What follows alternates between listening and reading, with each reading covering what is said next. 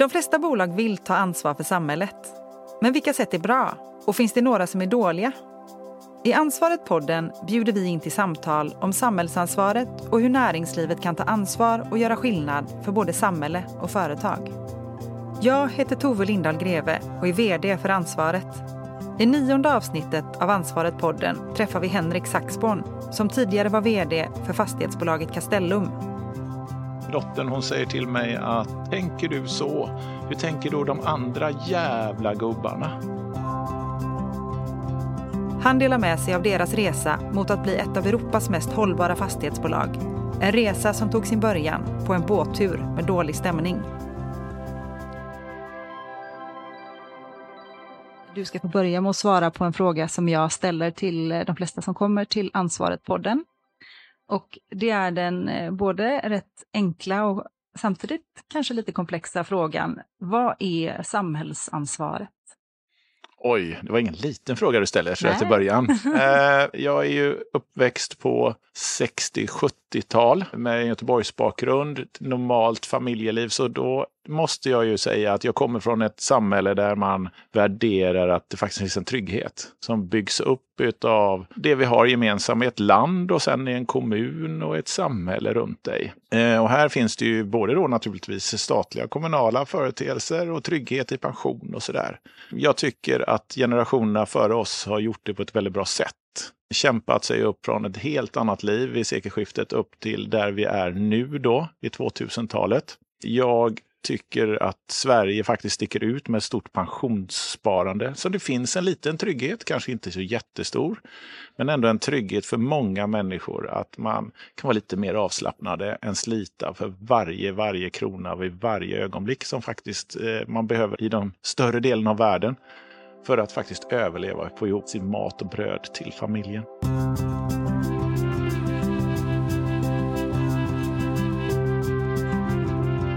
Vad händer då i ett samhälle om inte alla har samma möjligheter till att bidra för kommande generationer? Vad händer med samhällsansvaret då? Mm. Ja, men en jättebra fråga. Jag tror ju att vi nu ser att vi är i ett större Europa. Eh, vi ser fördelar och nackdelar med det. Och att vi också måste börja fundera på hur den här modellen ska se ut framåt. För att Sverige ska vara så fantastiskt bra som det just nu är mm. och det har varit då, även framåt. För att, för att fortsätta ha en modell som på något sätt fostrar ett samhällsansvar som alla kan vara med och ta så behöver vi se över eh, lite rollfördelning kanske och lite struktur för det. Har vi andra omständigheter idag som inte riktigt eh, går att jämföra med hur det var när vi hittade på det här systemet eller? Ja, man kan väl ta sig själv tycker jag som exempel. Mina föräldrar hade inte haft råd att skicka mig på den utbildning i de flesta länder som jag faktiskt har haft förmånen att kunna finansiera tillsammans med staten och låna pengar som jag har betalt tillbaka. Det är ett system som funkat väldigt väl och eh, det vill jag gärna ge nästa generation också. Och eh, inte göra det, det tycker jag faktiskt är riktigt dumt i huvudet. Mm. Mm. Utan jag vill ju att samhället ska ta tillvara alla hjärnor. Mm. Oavsett var man är född någonstans. Mm. Som ett exempel. Och om man då lämnar själva definitionen av vad ett samhällsansvar är. Om vi nu pratar om ett ansvar så, så måste det finnas någon som bär det ansvaret, som har det ansvaret. Kan du se att det finns olika aktörer eller eh, gorier i samhället som har olika former av samhällsansvar? Absolut, och jag skulle ju vilja säga att vi alla har det. Eh, sen organiserar vi oss i olika form. Mm. Eh, längst upp i nationen så röstar vi för vem som ska företräda oss. Extremt väsentligt att det systemet fungerar. Sen röstar vi för vem som ska företräda oss i region och kommun. Extremt viktigt att det fungerar. Och sen ska ju de här tjänsterna då, som vi åtnjuter när vi blir sjuka eller ska åka taxi när vi är gamla eller vad det nu är, också fungera, vad effektivt pengarna ska räcka till det. Eh, extremt viktigt att det där fungerar om vi ska ha det. Börjar det där krackulera så mister du förtroendet naturligtvis för den demokratiska processen. Men i grund och botten, vi alla bär ansvaret.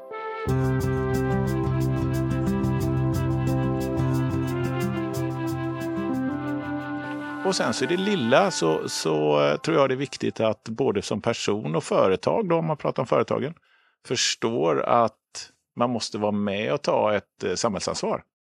Eh, och det är väl kanske lite det som är den förändring vi är på väg in i nu. Klarar inte samhället av att bära de hot som det finns mot en trygg vardag och en samhällsutveckling så måste företagen kliva in som arbetsgivare eller på andra sätt.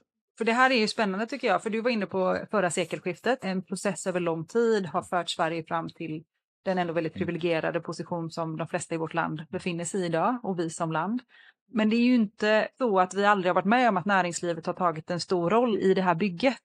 Tvärtom var det ju så, om vi tittar tillbaka i tiden, att många företag var med och byggde samhället väldigt tydligt. Var med och skapade institutioner, var med och skapade förutsättningar för de här välfärdskliven. Och sen har vi gått bort från det under en längre tid och nu kanske vi då är på väg i någon utsträckning tillbaka till, till det. Eller hur tänker du kring det? Nej, men jag tror att det aldrig riktigt har försvunnit. Eh, jag tror bara det har minskat kanske tydligheten och det har varit lite hårdare gränser mellan vem som gör vad. Jag tror på ett samarbete eh, och jag tror ett samarbete över gränserna, absolut. Eh, och det ska också behöva tydliggöras, tror jag, lite vad man kan göra mm. och hur man kan hjälpa till.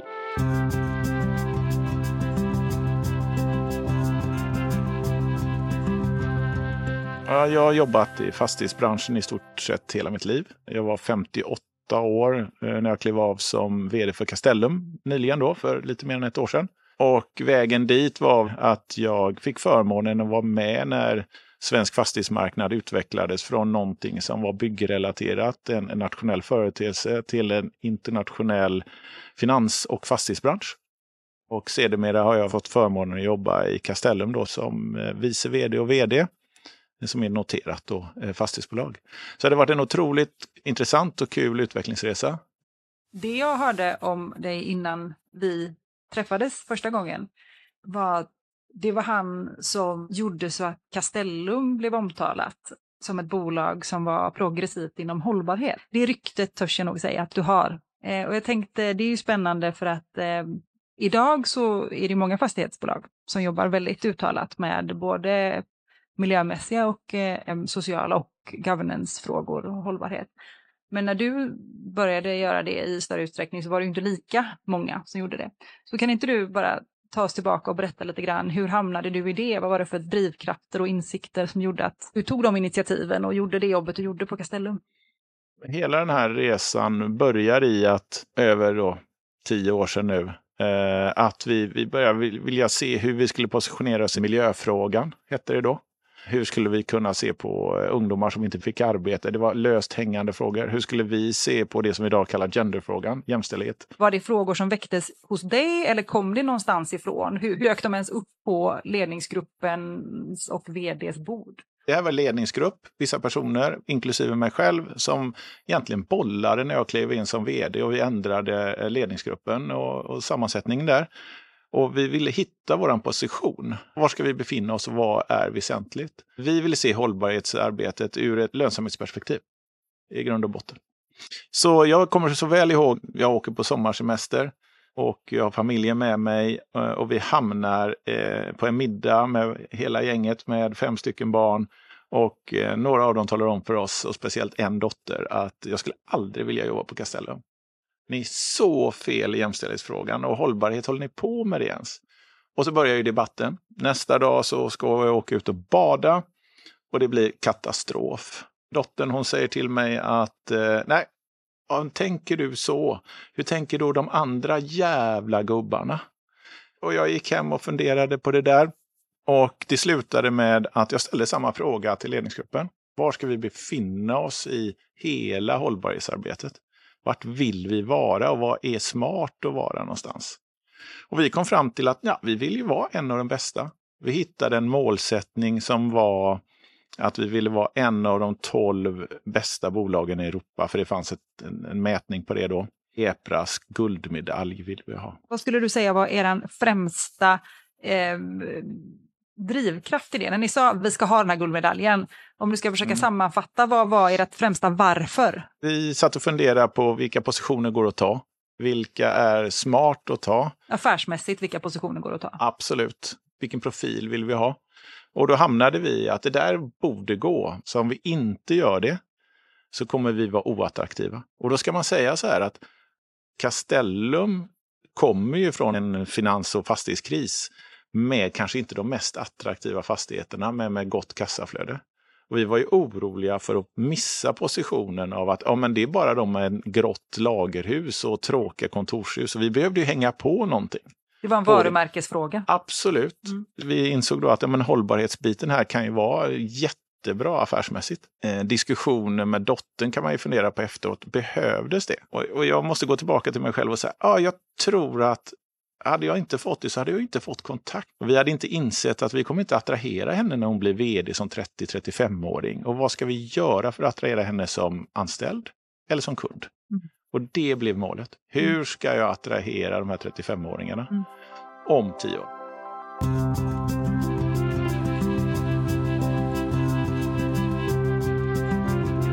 Hur ska vi göra saker? Det låter väldigt mycket som ni hamnade snabbt i görandet och genomförandet, eller? Sanningen är att vi gjorde en gapanalys först. Mm. Eh, och såg vad är det som fattas mm. för att vi ska vara bland de 12 bästa bolagen i Europa enligt den här mätmetoden. Vi bedömde att det skulle ta oss två år att ta oss dit. Då ska man säga att Castellum i det här läget hade extremt mycket data för att vara ett fastighetsbolag av historiska skäl. Så vi hade mycket att hänga upp den här datan på. Vi nådde dit på 12 månader, så dubbelt så fort som vi trodde. Eh, och också samma år, nästan samtidigt, blev vi då Global Leader, då, som det så vackert heter, eh, i vår kategori enligt GRESP. Mm. Och GRESP är? Ja, det är en annan mätmetod mm. helt enkelt. Och det, det, här slog ner som en bomb och min slutsats om det är faktiskt att det var för lätt. Så jag tror den här gapanalysen var ett otroligt bra verktyg. Extremt enkelt, var väldigt fysiskt och vi gjorde också en sak till och det var ju att vi flyttade då hållbarhetschefen vi skapade en hållbarhetsposition som rapporterade direkt till vd och engagerade hela organisationen. Mm. Det här är ju beroende på att vi hade fantastiskt bra medarbetare mm. som ville och kämpade med de här frågorna. Mm. Och hamna rätt internt att det här är en prioriterad fråga. Yep. Det gör man inte omedelbart. Det är någonting man måste kommunicera väldigt tydligt från ledningen. Mm. Jag vet att själv att jag stod på scenen och sa att det här är på riktigt. Mm. Det här är någonting som vi vill, det här är någonting vi måste göra, det här är inget annat än på riktigt. Mm. Och jag brukar säga det till de mm. bolagen ansvaret jobbar mm. med, att det är en kulturfråga mm. och precis som alla andra kulturfrågor måste den bäras av ledning men ytterst vd för att kunna genomsyra organisationen på riktigt. För det är först då prioriteras frågan i alla delar. Nej, och jag tror det är så enkelt som man, man har begränsat med tid. Mm. Eh, man skär ner, man optimerar organisation, man håller på med det parallellt. Vilket gör att man måste ha respekt för organisationen och säga vad hinner man med? Mm. Och här vet jag ju att vi har tryckt på, vi har dragit i det och kört lite hårt eh, emellanåt. Det ska man vara medveten om. Men samtidigt har också en jätteviktig eh, slutsats varit att det är så lönsamt, det här hållbarhetsarbetet. Och det är inte sådär Hambo Jambo om fem år, utan vi kunde mäta lönsamheten ekonomiskt också direkt. Vi bytte olika instrument, vi höll på med utbildning. Ja, så det, jag vill bara säga det. De första åren förstod inte alla att hållbarhet är lönsamt.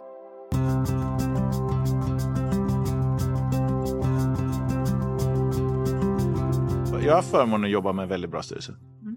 Hela tiden supporterad, mm. hela tiden tryggt. Eh, om har man sett olika saker som man bör påverka verksamheten med så har man sagt det och tryckt. Så att jag har haft eh, väldigt bra stöd och fått inspiration från medlemmar i styrelsen. Mm. Så det har funkat väldigt, väldigt bra. Det var en ganska stark förändringstakt under vissa år som jag tycker var supporterad av styrelsen mm. hela min tid här. Så det är jätteviktigt med, med styrelsearbetet, att vi har personer som är intresserade och är med och bidrar helt enkelt.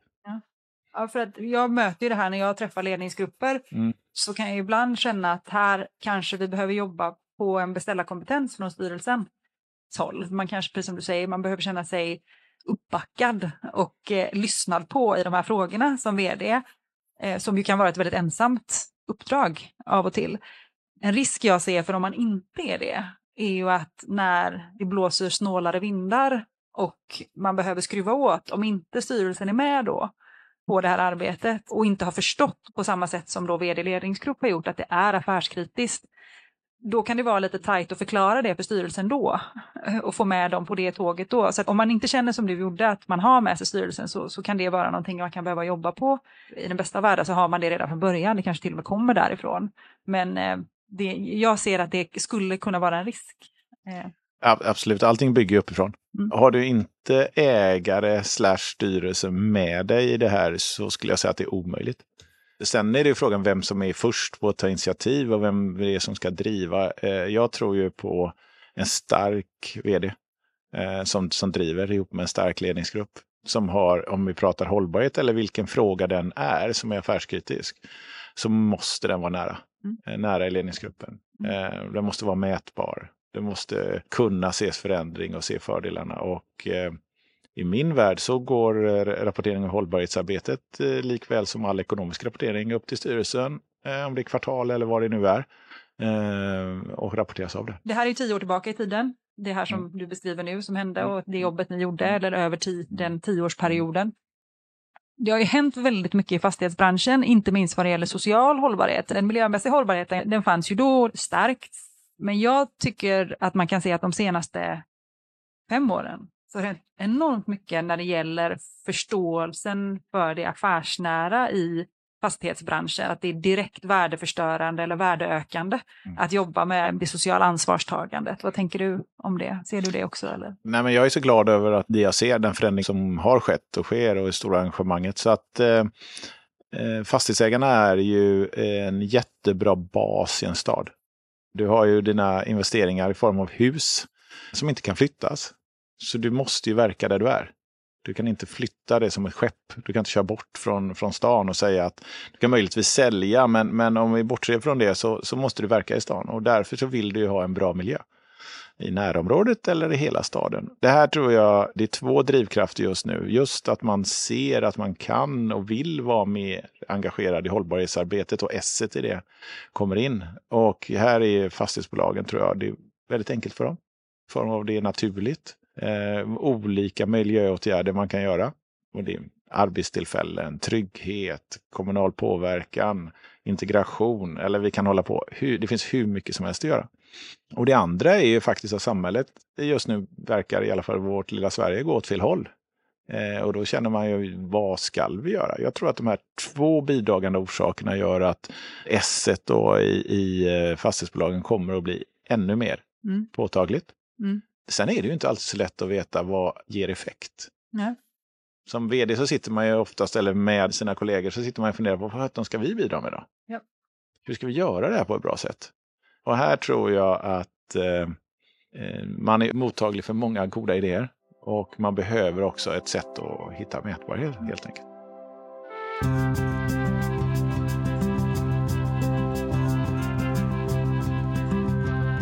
Det var väldigt systematiskt arbete och det kan jag väl rekommendera. Och eh, också ner på ansvarstagande. Vem gör vad för hela koncernen? Och eh, det vet jag att man har fortsatt med det arbetet. Så att det är absolut systematik mm. och mätbarhet och också se effekt och så utvärdera det konstant. Och vad är det vi ska göra? Det svåra är ju alla de här sammanhangen som du är inne på lite grann, det är ju att välja bort. Yep.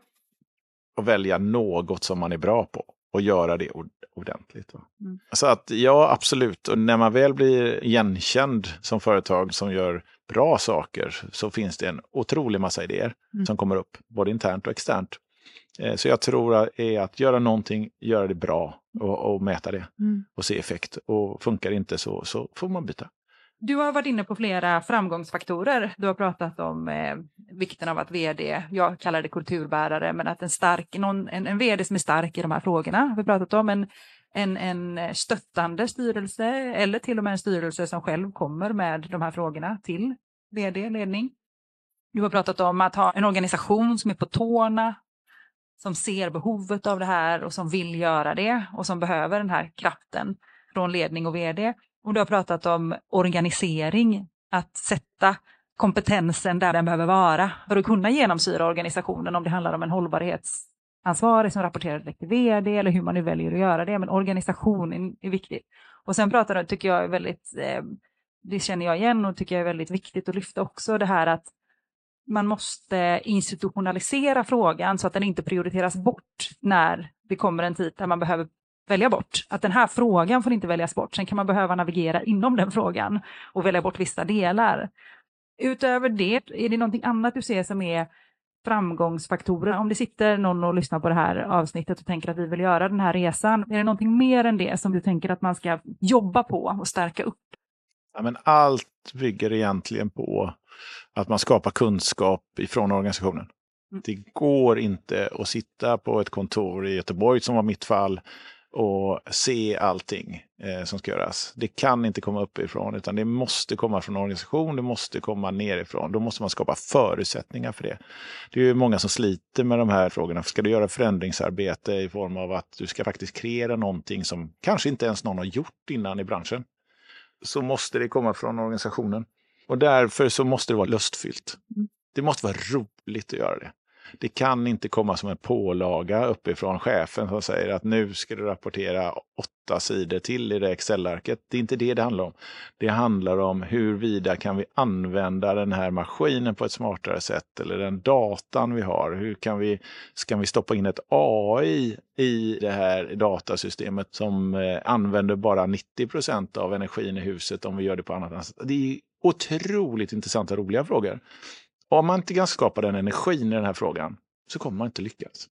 Det jag väl också vill dela då är väl det att det finns otroligt mycket att göra. Oavsett vilken fråga vi lyfter så tror jag att man kan ta allt från social hållbarhet, att bara göra en liten grej som ett bolag kan få en sån enorm effekt. Ända ner till miljö och hållbarhetsarbete, bara göra en enda liten sak. Det finns otroligt mycket grejer att göra. Och det finns så mycket pengar att spara om man pratar ekonomi. Så att sammantaget så, så kan väl jag känna en frustration över att inte ha hunnit göra mer.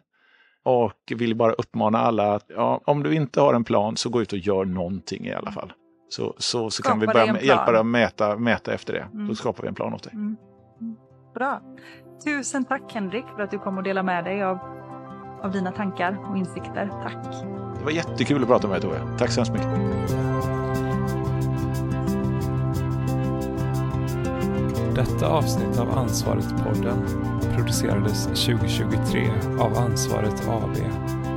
Musik, klippning, mix och master av Ostron Records.